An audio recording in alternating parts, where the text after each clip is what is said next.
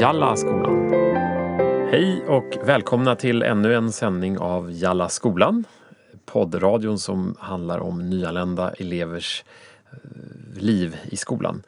Idag har jag med mig en tjej som heter Lina Nordstrand här i studion. Välkommen Lina! Hej, tack så mycket. Du jobbar som förlagschef på Viljas förlag men är här idag framförallt för att du har släppt en bok nyligen. Precis, det stämmer. Så jag är både förläggare men också författare. Mm. Och boken har jag framför mig här. Den heter Lilla integrationsboken. Eh, den har du skrivit tillsammans med en, en kollega i branschen som heter Malin Ejerfelt. Kan du berätta vad det här är för bok? Absolut. Lilla integrationshandboken vänder sig till alla som vill göra något mer för integrationen i hela samhället. Så det kan till exempel vara för privatpersoner eller för skolor eller organisationer som på något sätt känner att de vill bidra till ett mer integrerat samhälle. Vad, vad fick dig att skriva den här boken? Då? Boken bottnar dels i mitt arbete som förläggare på Vilja förlag. I mitt arbete där så träffar jag många nyanlända som håller på att lära sig svenska.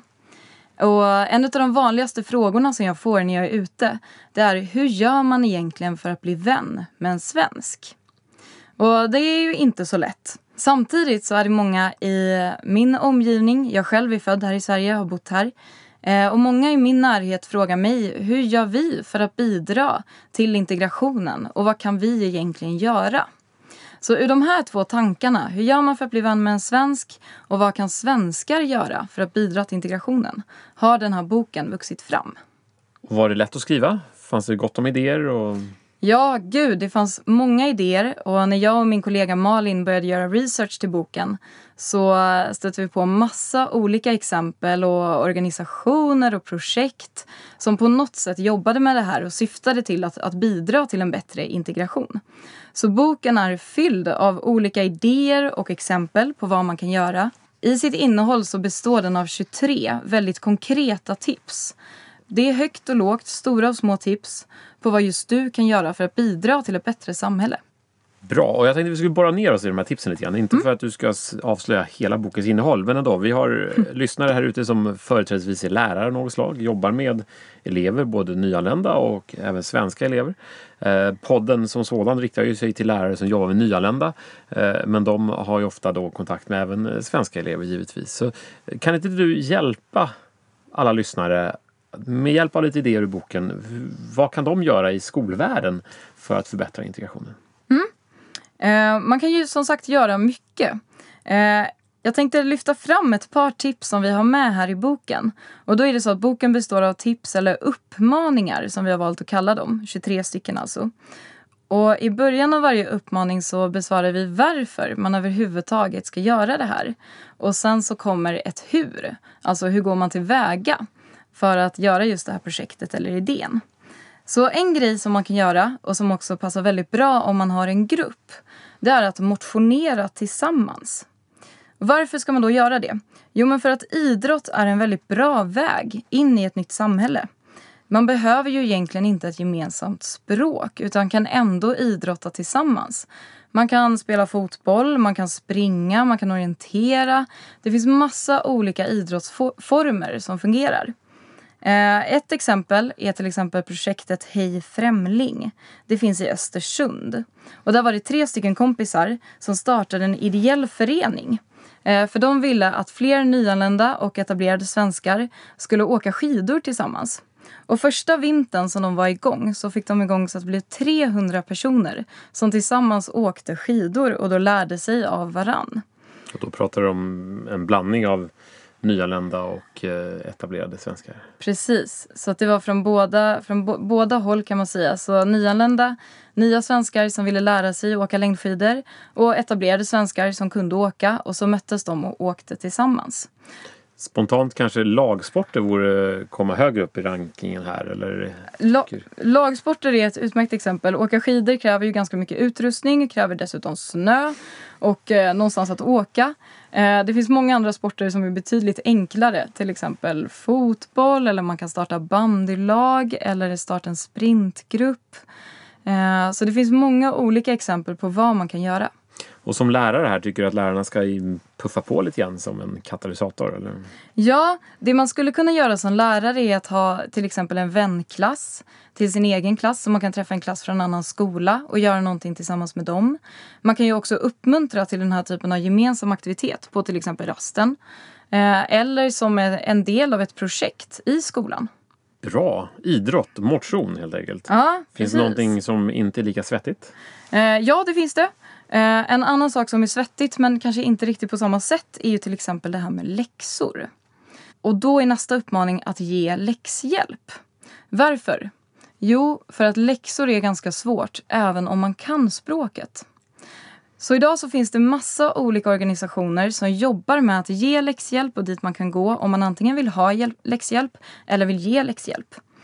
Man kan till exempel eh, söka sig till Röda Korset som finns över hela Sverige och har den här typen av organisation. Det finns också individuell människohjälp som finns i Stockholm, och Göteborg, och Malmö och Lund. Det finns också läxhjälp på olika bibliotek och ibland på, på skolor direkt. Och det här är också en sak som man som lärare kan uppmuntra sina elever att ta del av. Antingen om du har många nyanlända elever som behöver lite extra hjälp. Eller om du har många svenska elever som kanske vill eh, göra någonting mer eh, på sin fritid.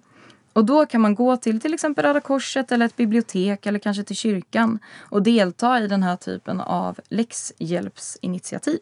Spännande. Eh, jag låter dig fortsätta om du mm. hade fler tips här. Ja, men vi har fler tips. Det finns många tips. Eh, en annan uppmaning är ta ton. Och den syftar till att man kan gå och sjunga i kör. Kör är ju väldigt bra. Eh, det blir som en gemenskap mellan människor som kanske har liknande bakgrund eller har helt olika bakgrund.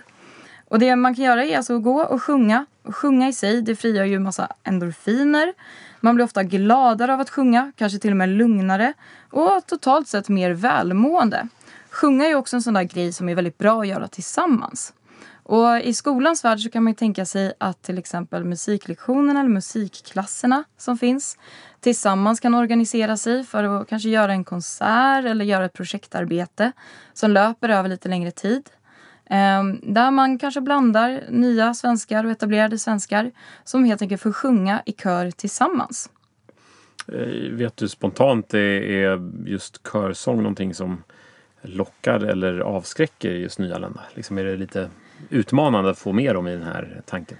Ja, det finns flera initiativ runt om i Sverige med exempel på, på när just nyanlända elever, till exempel genom kyrkor eller andra trossamfund, har fått kontakt med den här typen av körverksamheter och där just mötet har fungerat väldigt, väldigt väl.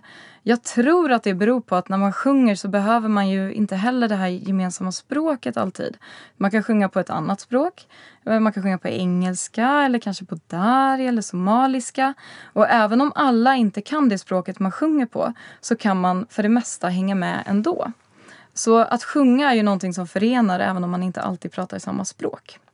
Ungefär som idrotten då lite grann? Ungefär som idrotten, precis. Går över gränserna. Men man kan göra mer saker. Man kan ju också till exempel involvera unga i ett mycket, mycket tidigare stadie eh, och fråga dem vad, vad de tror är bra. Hur kan man göra för att samhället ska bli mer integrerat? Och inför att jag och Malin skrev den här lilla integrationshandboken så frågade vi flera, både barn men också unga och unga vuxna, vad de tror att man ska göra. Och det var både nya svenskar och etablerade svenskar. Eh, och jag tänkte jag ska ta och läsa upp ett par av de svaren som vi fick. En sak som en kille sa, det var givet. Man ska spela fotboll tillsammans. Och det är väl ur det tipset som vår första uppmaning här om att få motionera tillsammans kommer ifrån. Eh, en annan eh, tjej sa att om man ser någon på rasten eller på en lekplats så kan man gå fram till den personen och fråga om den vill vara med och leka. Och det kan man också göra även om den inte kan språket. För att just leka tillsammans kan man ändå göra ändå. Eh, man kan också be sina föräldrar bjuda en nyanländ familj på middag.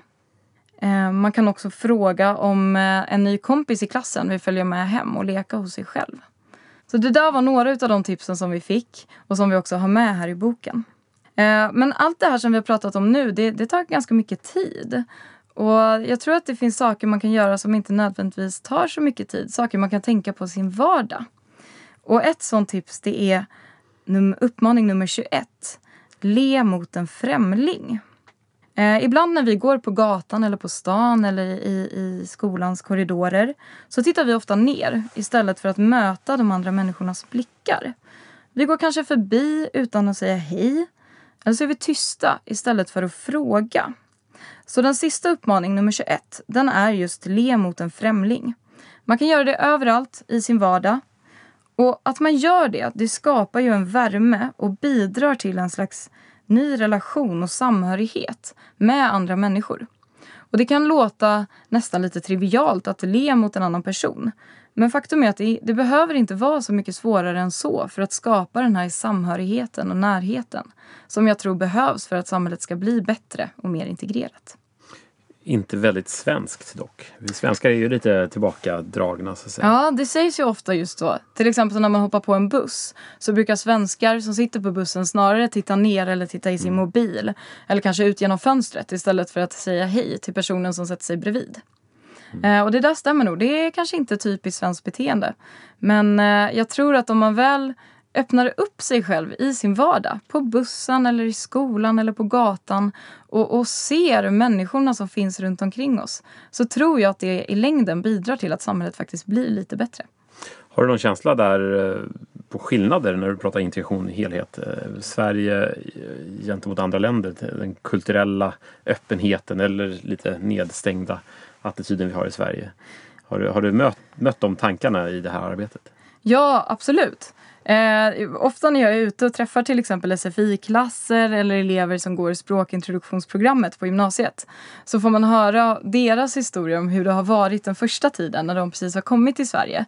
Och det är allt ifrån att man har, gått, eh, man har gått i affären och försökt prata med folk eller fråga folk om var hittar jag egentligen mjölken till exempel. Och vad, hur vet jag att det är mjölk och inte filmjölk och vad är skillnaden?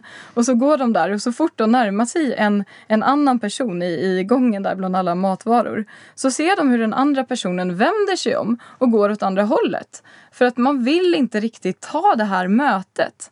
Så att ja, den här historien är bara en av jättemånga sådana här historier där jag tror att etablerade svenskar kanske är lite rädda för att ta nya kontakter. Och inte heller alltid ser att man, man är en del av ett större sammanhang. När man är där i mataffären så kan man ju faktiskt också hjälpa till. Eh, och när man sitter på bussen så skulle man ju kunna prata med den som sitter mm. bredvid. Ja, det tycker jag låter en bra, bra liten uppmaning. Eh, att både skicka iväg till lärare men också lärare skicka iväg till elever kanske. Mm. De som nu vill läsa mer om det här så finns den här boken alltså utgiven och att köpa i bokhandeln, eller hur fungerar det? Ja, den finns i bokhandeln. Eh, den finns både på internetbokhandlarna men också i den fysiska bokhandeln. Så där kan man få tag på den. Jag vet också att det är flera bibliotek som har tagit in den. Så det kan hända att biblioteket i staden där du bor eller biblioteket på din skola kanske redan har boken i bokhyllan. Mm. Och sen måste jag bara säga som en avslutande grej att en sak som jag personligen tror är väldigt viktig det är att vi alla förstår att integration är någonting som angår oss alla. Alltså integration är inte bara en uppgift för nyanlända eller ett ansvar som nyanlända ska ta för att integrera sig här. Utan jag tror att det är lika viktigt att vi som redan är etablerade i det svenska samhället också tar ett ansvar för integrationen. Så integration är inte bara en envägsprocess utan jag tror att det i allra högsta grad är en tvåvägsprocess. Och att vi alla måste hjälpas åt för att samhället ska bli bra och ska bli integrerat. Det är kloka ord. Eh, innan vi lägger på här. Eh, så du är ju inte bara författare till den här boken, du är också förlagschef på Vilja. Jag tänkte att vi kunde passa på att nämna det samarbete vi har mellan Vilja och Inläsningstjänst eh, mm. som vi kallar för Viljas digitala bokhylla. Kan du kort bara beskriva vad det är? Jag ja. vet ju givetvis också vad det är, men du får chansen. Ja, Viljas digitala bokhylla är eh, ett helt, en helt ny grej som är ett samarbete mellan Vilja förlag och Inläsningstjänst.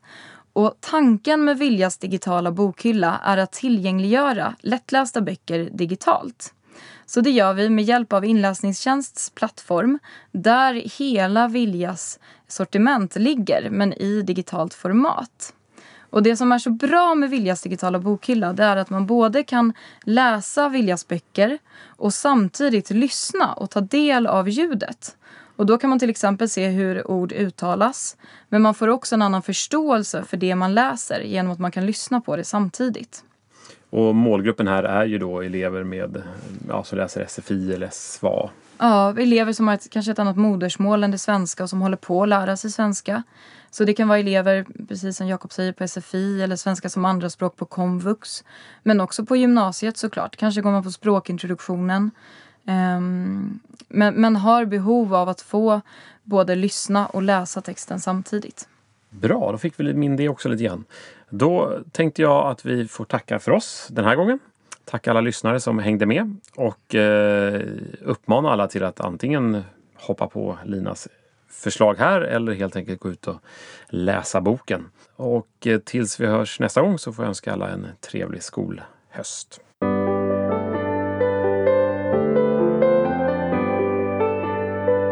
Jalla skolan!